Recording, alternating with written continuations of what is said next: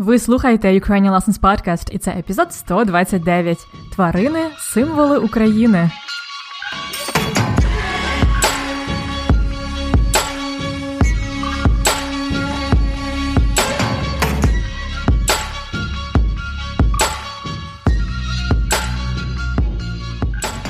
Привіт-привіт! Це Анна, ваша вчителька української, і ви слухаєте уроки української подкаст для всіх, хто вивчає і любить українську мову.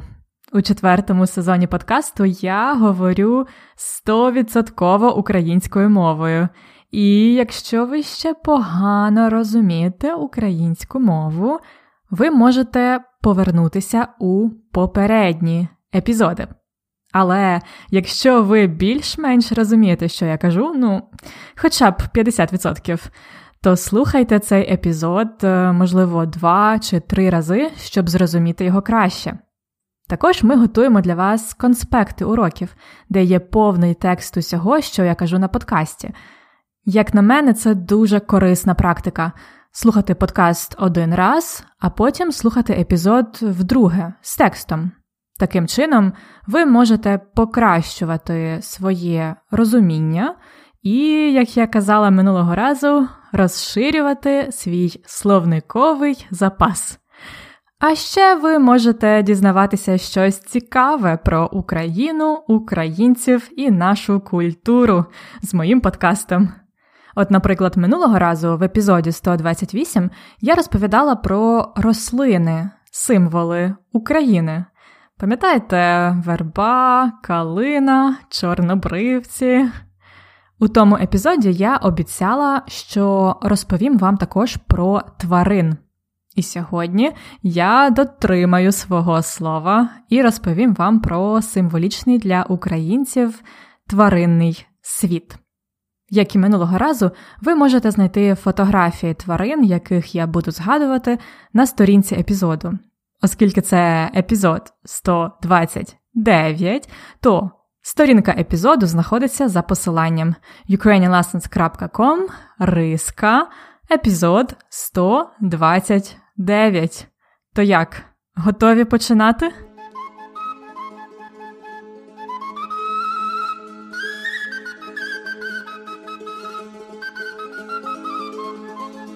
Почнімо з птахів. Як виявилось, в українській культурі символічними є дуже багато пташок або птахів.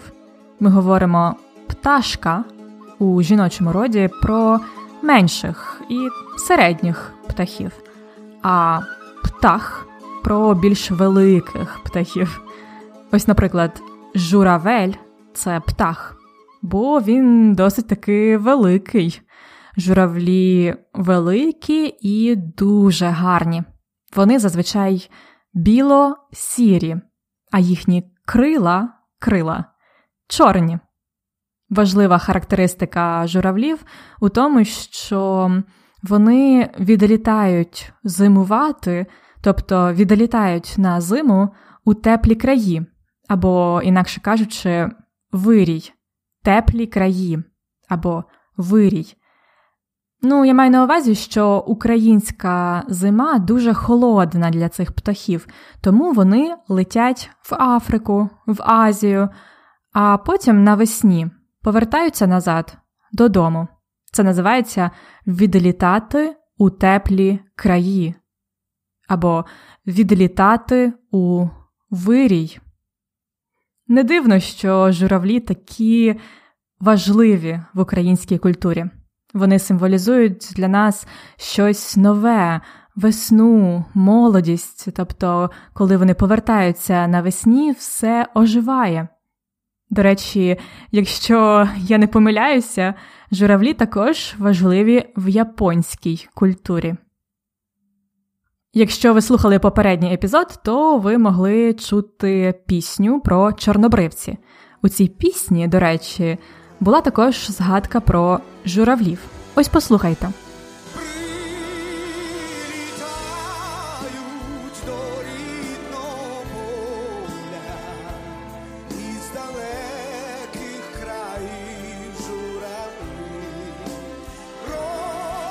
Прилітають до рідного поля із далеких країв журавлі.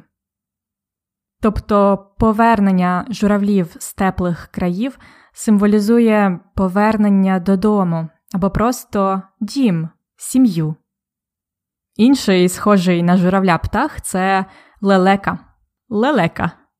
Лелеки символічні в багатьох культурах. Може, ви чули, як дітям часто розповідають, що саме лелеки приносять дітей. Тобто на запитання, звідки беруться діти, батьки відповідають іноді лелека принесла. Так само і в Україні. Лелека це великий білий птах. В українських селах і малих містах, ну навіть у мене в місті, в полонному. Лелеки там роблять гнізда на хатах, тобто на даху в хаті, і або також на електричних стовпах. Тому лелека це символ добробуту, символ сім'ї, родинного затишку. Оскільки люди живуть дуже близько до лелек, то багато людей, українців, е, спостерігають за ними, за їхнім життям, і звідси є певні народні прикмети. Тобто ці прикмети допомагають нам визначити погоду за поведінкою лелек. Наприклад, е, кажуть, що якщо лелека стоїть на одній нозі, то треба чекати на холодну погоду. А якщо лелеки дуже рано прилетіли з теплих країв, то буде тепле літо. До речі, так, лелеки, так само як і журавлі, відлітають у теплі краї або у вирій. Такі птахи, як лелека, журавель, називаються перелітні птахи, птахи, які відлітають у теплі краї. Інша перелітна пташка, менша за розміром, ніж журавлі та лелеки, це ластівка. Ластівка. Ластівка темного кольору, і вона дуже швидко літає і дуже гарно. Можна сказати, вона виконує в небі акробатичні трюки. Ластівки надзвичайно важливі для українців. Можна сказати, що ластівка це наша свята пташка, її ще називають Божа пташка. За народними прикметами, якщо хтось е, пошкодить гніздо ластівки, то з цією людиною може статися щось страшне, якась біда. Ластівка також символізує весну і любов. Ось, наприклад, початок вірша відомого українського поета Максима Рильського. Ластівки літають, бо літається, і Гануся любить, бо пора. Тобто, коли літають ластівки, приходить весна і любов. Наступна символічна пташка це зозуля. І, до речі, це досить такий негативний символ. Це символ суму, печалі, нещастя. Це також символ жінки-вдови. Вдова це жінка, чоловік якої помер. То чому зозуля це негативний символ? Річ у тім, що зозулю вважають поганою матір'ю, тому що коли зозуля має яйце, так, яйце, у якому є маленька зозуля, зозуленя, вона це яйце підкидає у гніздо іншої пташки. Тобто зозуля покидає своє яйце, вона покидає свою дитину. Також часто в Україні можна почути, як співає Зозуля. Вона каже ку-ку, ку-ку, щось таке. Кажуть, що якщо порахувати, скільки разів кує Зозуля, то стільки років залишилося жити. Звучить страшно, правда? Скільки разів кує Зозуля, стільки років людині, яка її чує, лишилося жити. Ой, страшно. Ми в дитинстві вірили в це і дуже боялись. Ми говоримо Зозуля кує, тобто вона говорить ку-ку-ку. Кує. Ось послухайте пісню Руслани про зозулечку, ну тобто зозулю. Це переробка традиційної коломийки з Карпат.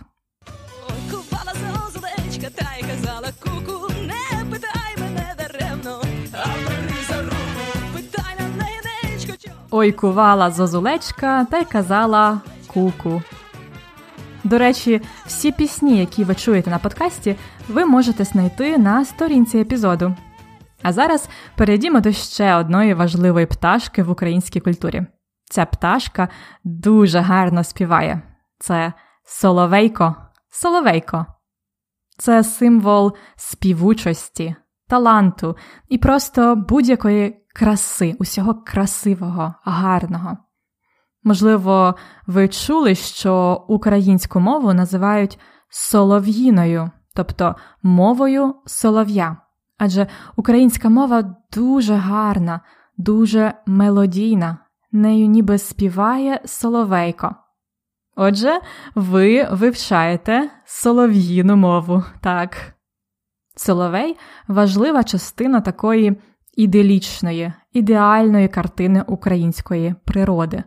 Усі українці знають початок поеми Тараса Шевченка, який звучить так: Світає, край неба палає, соловейко в темнім гаї сонце зустрічає. Так, багато птахів є символами України. Треба вам розповісти ще про інші типи тварин, які є для нас важливими. Наприклад, бджоли. Українці дуже люблять мед, і тому вони дуже цінують працю бджоли. Бджоли символізують працелюбство. Також важливим елементом української культури є кінь. Це також символ праці, роботи, тому що коней часто використовували у сільському господарстві і зараз ще використовують. Також кінь це символ енергії, сили. Коні є в багатьох українських піснях, особливо там, де є козаки чи просто українські молоді хлопці. Ось одна з наших найвідоміших українських пісень. Ой, то кінь стоїть, що сива гривонька. Ой, чий то кінь стоїть, що сива гривонька. Грива, гривонька це можна сказати волосся коня. Це дуже відома українська пісня Ой, чий то кінь стоїть. Послухайте її якось добре. На сторінці епізоду є всі посилання на пісні.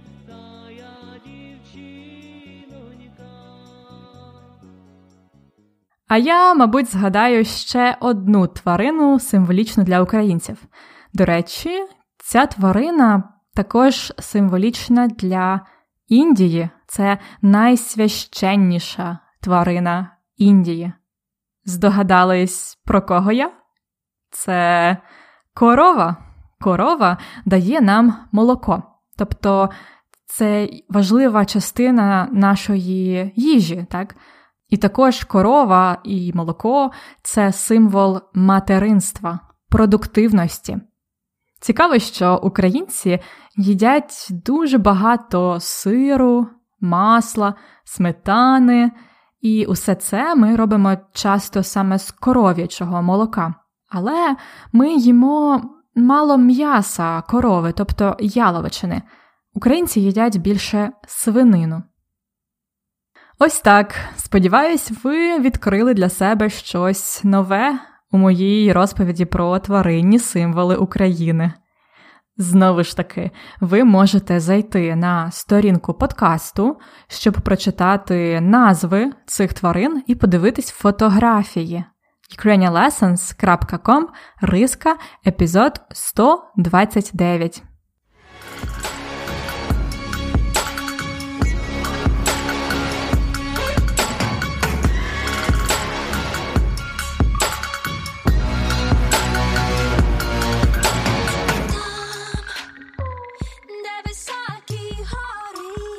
А зараз, як завжди, ідіоми та корисні вирази. На початку я казала, що якщо ви більш-менш розумієте, що я кажу, ну хоча б 50%, то слухайте цей епізод. Хоча б, хоча б два слова. Хоча б. Це те саме, що як мінімум, або щонайменше, або принаймні. Тобто це все синоніми, є дуже багато варіантів, як сказати українською мовою at least, at least, англійською, так? Отже, ми маємо хоча б, щонайменше, як мінімум, і принаймні. Наприклад, щоб розмовляти іноземною мовою, ви маєте знати хоча б дві тисячі слів, принаймні дві тисячі слів, щонайменше дві тисячі слів, або як мінімум дві тисячі слів. Далі я сказала, що ви можете послухати подкаст один раз, а потім послухати епізод вдруге з текстом. Таким чином, ви можете покращувати своє розуміння. Таким чином, це те саме, що у такий спосіб, ось так, ось так от, або просто як наслідок, як отже, таким чином. Наприклад, ви вивчаєте українську мову, і таким чином ви покращуєте свою пам'ять. Так, це корисно. Я казала також, що я вам обіцяла у попередньому епізоді розповісти про тварин. І сьогодні я дотримаю свого слова, дотримати слова, або дотримати свого слова, або додержати слова. Ми говоримо також дотримати обіцянки, тобто пообіцяти щось і виконати. Сказав і зробив дотримати слова дотримати обіцянки. На жаль, українські політики часто не дотримують свого слова, не дотримують своїх обіцянок. Далі, як виявилось, в українській культурі символічними є дуже багато пташок. Як виявилось, тобто я не очікувала, я не думала, я про це якось не думала багато. Але як виявилось, це правда, в українській культурі є дуже багато символічних пташок. І також е, нещодавно я подивилася, з яких країн слухають Ukrainian Lessons Podcast. І як виявилось, мій подкаст слухають в Японії. Привіт японцям! Добре, Далі, коли ми говорили про журавлів, про лелек, я казала, що вони, ці птахи, перелітні, тобто вони відлітають зимувати у теплі краї, або, інакше кажучи, у вирій. Я думаю, важливо для вас запам'ятати це словосполучення теплі краї. Це теплі країни на півдні від України, тобто це може бути Азія чи Африка, куди птахи летять взимку, тому що їм в Україні дуже холодно взимку, а потім вони повертаються. Ми називаємо це теплі краї, або, одним словом, вирій. Як на мене, це дуже гарне слово вирій. Вирій чи теплі краї це дуже важливе поняття, дуже важливий такий концепт української культури. Далі, коли ми говорили про людей, які живуть близько до лелек, ми казали, що вони мають певні народні прикмети. Тобто ці прикмети допомагають визначати погоду за поведінкою лелек. Народні прикмети це те, у що вірить народ. Це можна сказати такий народний прогноз погоди. Ось, наприклад, в Україні вірять, що якщо у лютому багато снігу, то у квітні буде багато дощу. Це прикмета. Або якщо ввечері сонце дуже червоне, то наступного дня буде сніг або дощ. Я вірю в це також. А ви вірите в народні прикмети? І на сам кінець я сказала, що сподіваюся, що ви відкрили для себе щось нове у моїй розповіді про тваринні символи України. Відкрити для себе щось нове це дізнатися щось нове, знати щось нове зараз. Маю надію, що на кожному епізоді подкасту ви відкриваєте для себе щось нове. А що ви відкрили для себе нового у цьому епізоді?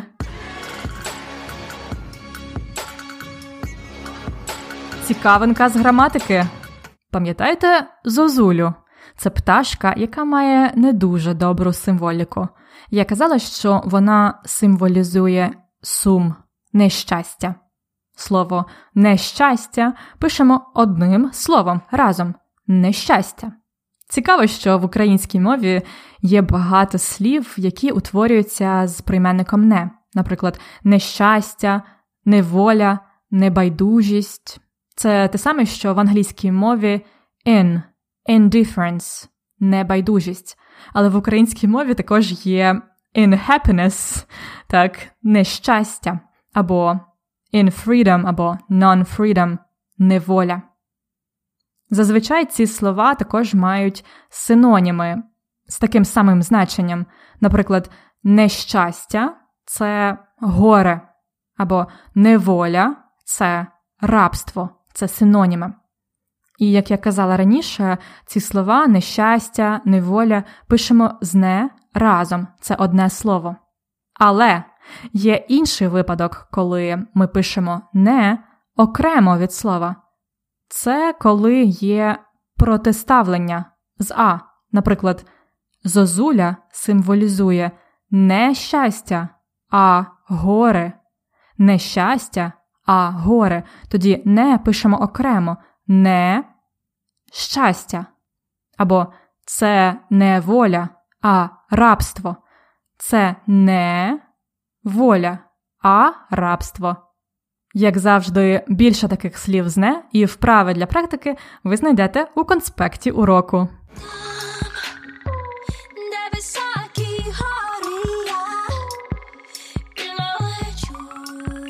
На сьогодні все. Сподіваюсь, вам сподобалась серія уроків про символи рослин і тварин в Україні. І сподіваюсь, що ви відкрили для себе щось нове. Який символ ваш улюблений? Напишіть мені. До речі, якщо у вас є запитання, або ви просто хочете привітатись до мене і до слухачів подкасту, запишіть голосове повідомлення, хоча б коротеньке, і надішліть мені його на адресу anna собачка ukrainianlessons.com anna at ukrainianlessons.com Я буду дуже щаслива чути ваш голос. А якщо ви хочете прочитати повний транскрипт епізоду, дізнатися переклад складних слів і зробити вправи, підписуйтесь на преміум. Більше інформації про підписку, а також фотографії символічних тварин ви знайдете за посиланням ukrainianlessons.com риска епізод 129. Успіхів вам! На все добре!